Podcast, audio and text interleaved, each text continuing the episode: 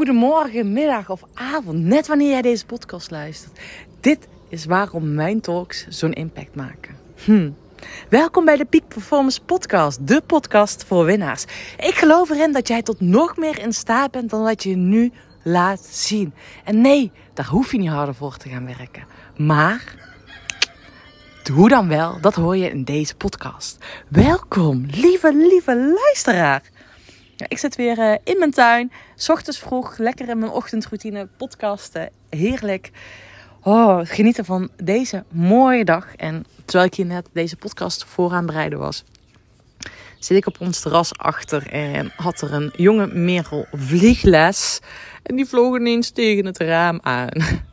Oh, heel sneu. De moeder kwam ook meteen haar uh, ja, in, uh, in fluitende taal, uh, zingende taal, met elkaar communicerend. En ze vloog uiteindelijk weer de goede kant op, de andere kant op. En ze vloog gelukkig weer verder. Dus ehm, ja, bijzonder om de natuur zo van dichtbij mee te maken.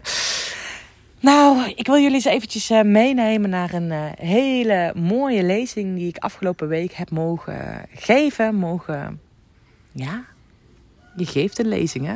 Mogen, mogen doen voor een organisatie, een kinderopvangorganisatie in Amsterdam.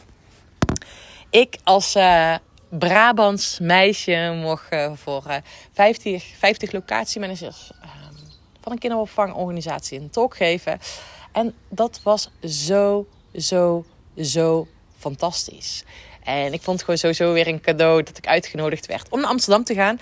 Ik moet zeggen, volgens mij is de laatste keer Amsterdam coronatijd geweest. Nou, toen was het echt enorm rustig, easy, stil. En nu was ik in Amsterdam en hectiek. En wow, ik was echt weer eventjes flabbergasted van... Wat een verschil waar ik woon, waar wij wonen ongelooflijk. Hier de rust, de vogels, ehm, de natuur.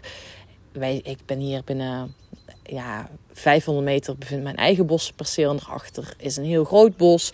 Ehm, ik ben iedere dag echt in de natuur te vinden. Ehm, ja, ik kom hier altijd wel wat mensen tegen. Maar echt never ever zoveel mensen als dat ik maandag of dinsdagochtend tegen ben gekomen. Toen ik in Amsterdam was. Man, en iedereen met koptelefoon op. En ik snap heel goed dat je daar een koptelefoon op hebt om in je eigen bubbel te zijn. Zoveel prikkels. Ik voelde me echt een boerin in de grote stad. Ik dacht echt, wow. Ook wel inspirerend. Denk, wat, waar beweegt iedereen naartoe? Maar ik vroeg me ook af. Nou, vroeg me niet eens af. Dat zie je.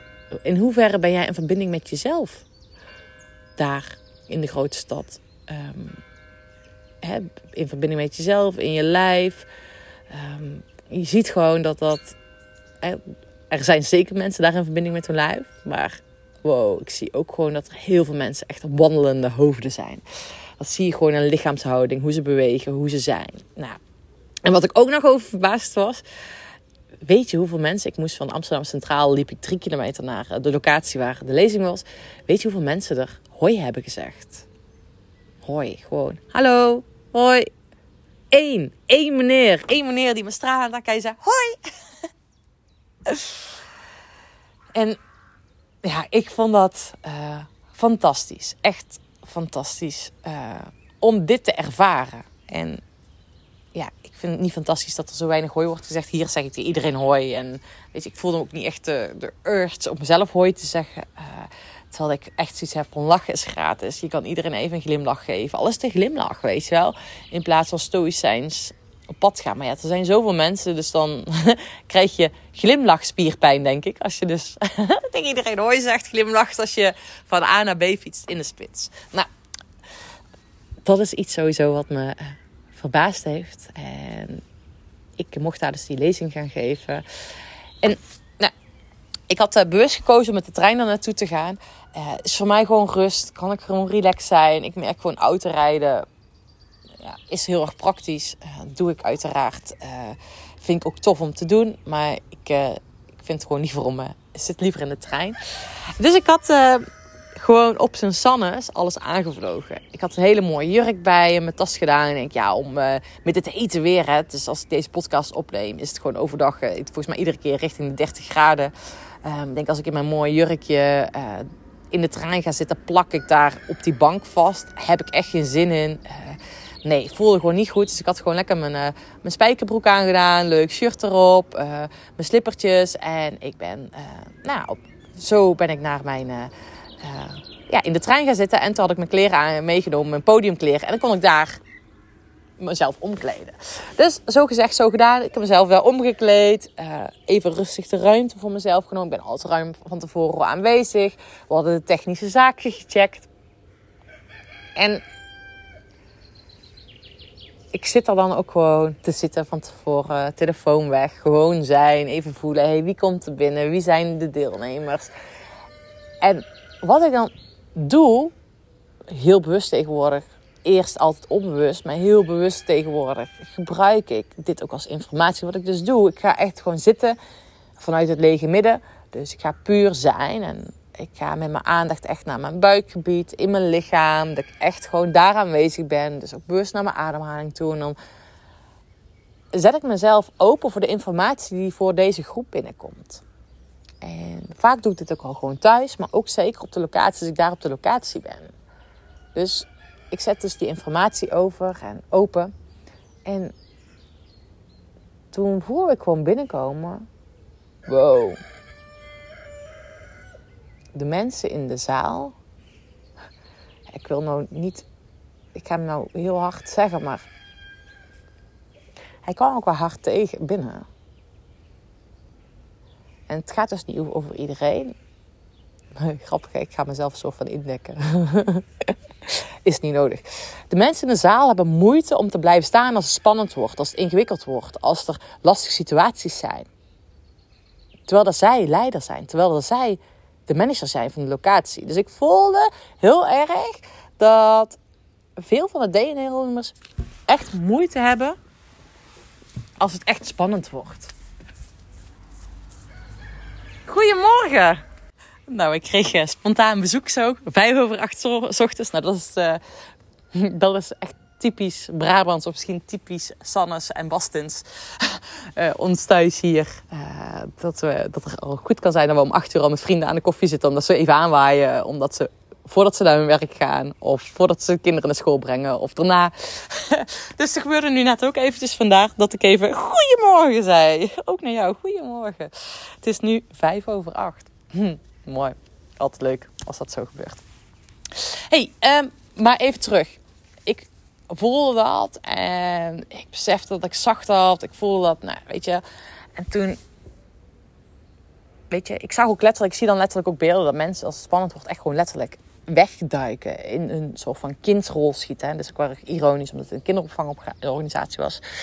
Um, en ik zei dat, ik gaf dat aan tegen een kwaliteitsmanager. En die keek me aan, ja, dit is precies waar we tegenaan lopen. En wat ik dus doe, waarom mijn talk zo impactvol zijn, is dat ik intune op de groep die er zit, afstem en dan ook de juiste woorden gebruik, datgene gebruik wat ze nodig hebben.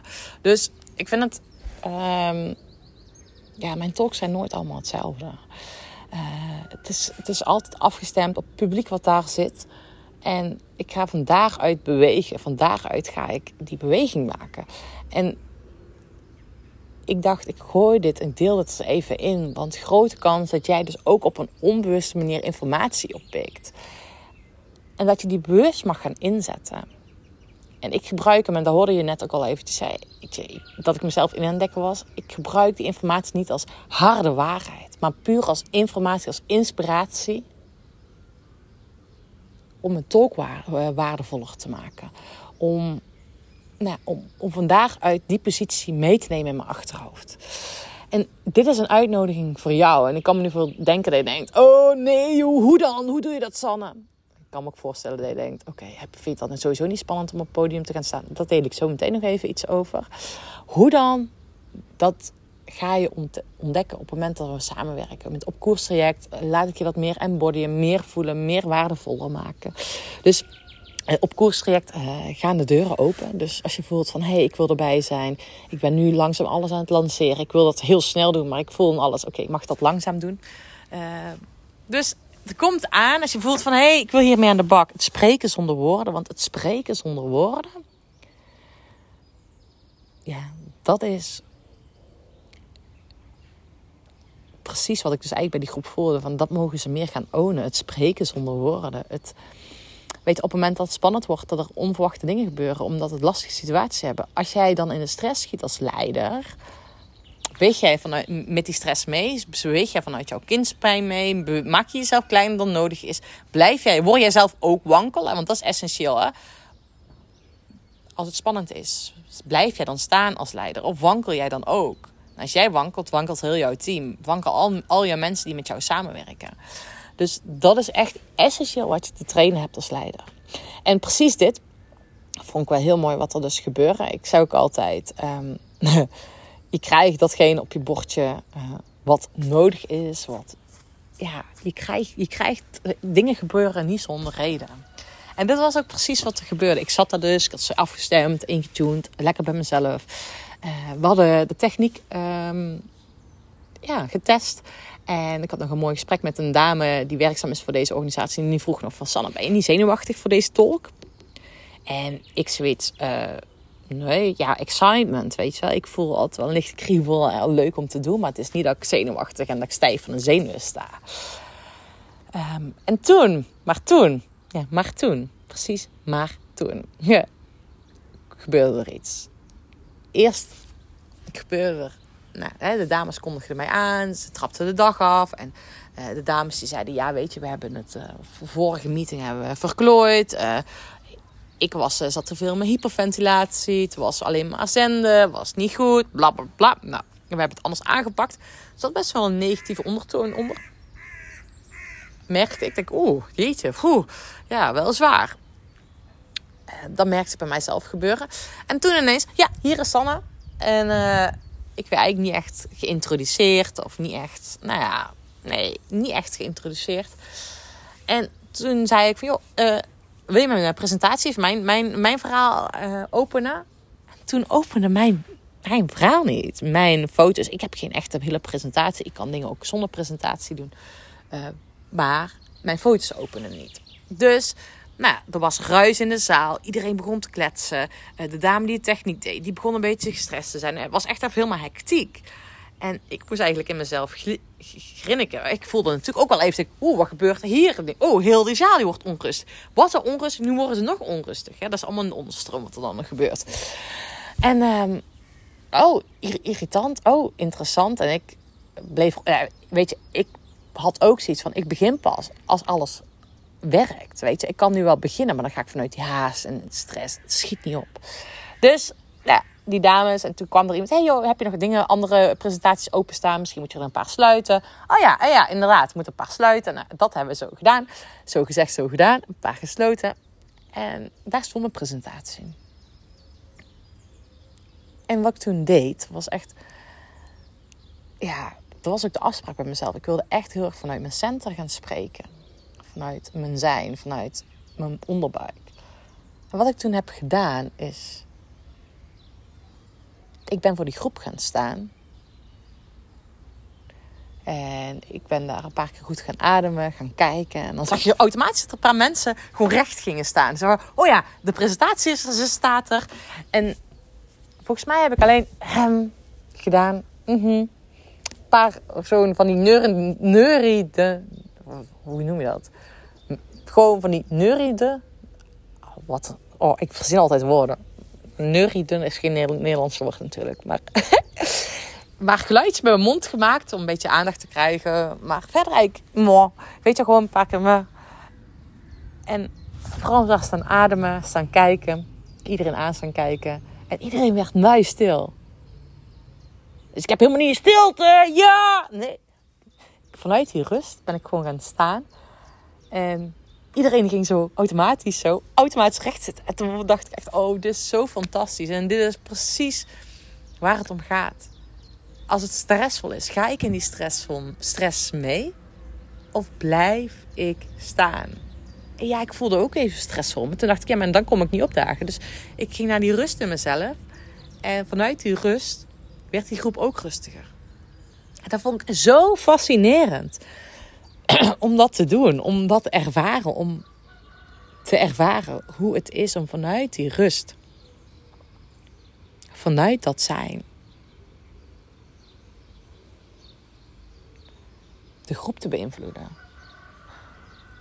En dat is ook, hè, dat was ook mijn focuspunt. Ik heb altijd vaak een inhoudelijke focuspunt. Dit is de boodschap die ik wil uh, delen. En een procesfocuspunt. Dit is wat ik ga doen om het proces optimaal te laten verlopen. Nou, dat is ook al helemaal een ander thema voor een andere podcast. Dat was ook mijn focuspunt. En ik vond het zo fantastisch dat ik daar precies, hè, wat ik voelde, wat er in de onderstroom gebeurde. Van hey, als er onverwachte dingen gebeuren, dat er moeite is om als leider te blijven staan. Werd ik zelf ook op dit thema gechallenged. Van hey, ben ik in staat om als leider te blijven staan als het niet loopt zoals het loopt? Nou ja, en het was een cadeautje dat ik dat zo mocht ervaren. Was echt een cadeautje dat ik dat mocht ervaren zo. Dus de uitnodiging voor jou. Ga eens kijken welke informatie jij van tevoren oppikt die je kan gaan toepassen. En ben je in staat als leider te blijven staan, juist ook als het spannend wordt. En dit begint ermee dat je gaat herkennen wanneer je uit de bocht vliegt, wanneer je meegezogen wordt. En heel vaak weten we dit niet eens. Dit gebeurt in je lijf. Zijn we ons niet eens uh, in staat om van die fysieke sensaties dat te voelen. Maar dit is precies waar het om gaat. Precies dit. Hm. Nou, lieve jij, antwoorden vind je in beweging. Met alleen luisteren van deze podcast heb je geen bal aan. Dus ik zou zeggen, met welk ene ding ga jij mee in actie komen? Met welk een, ene ding ga jij in actie komen? Hm. En mocht jij mij iets terug willen geven van deze podcast, mocht jij iets van mij willen doen, zou ik het tof vinden als je deze podcast doorstuurt naar iemand die dit kan gebruiken, die vaker op het podium staat. Of schrijf voor mij een review op iTunes. Zou me weer enorm helpen. En oh ja, dat vind ik natuurlijk ook altijd super lief. Als je gewoon aan het luisteren bent, deel deze podcast, tag me eventjes op social media. Dan deel ik hem ook weer voor jou. En dan geef je mij gewoon een groot cadeautje, zodat de rippel nog mooier wordt. Hey, dankjewel voor het luisteren. Geniet van vandaag. Ga op avontuur, ga spelen, ga bruisen. Ga zorgen dat jij gewoon bruist vandaag. Lieve jou, lieve jij, enjoy today.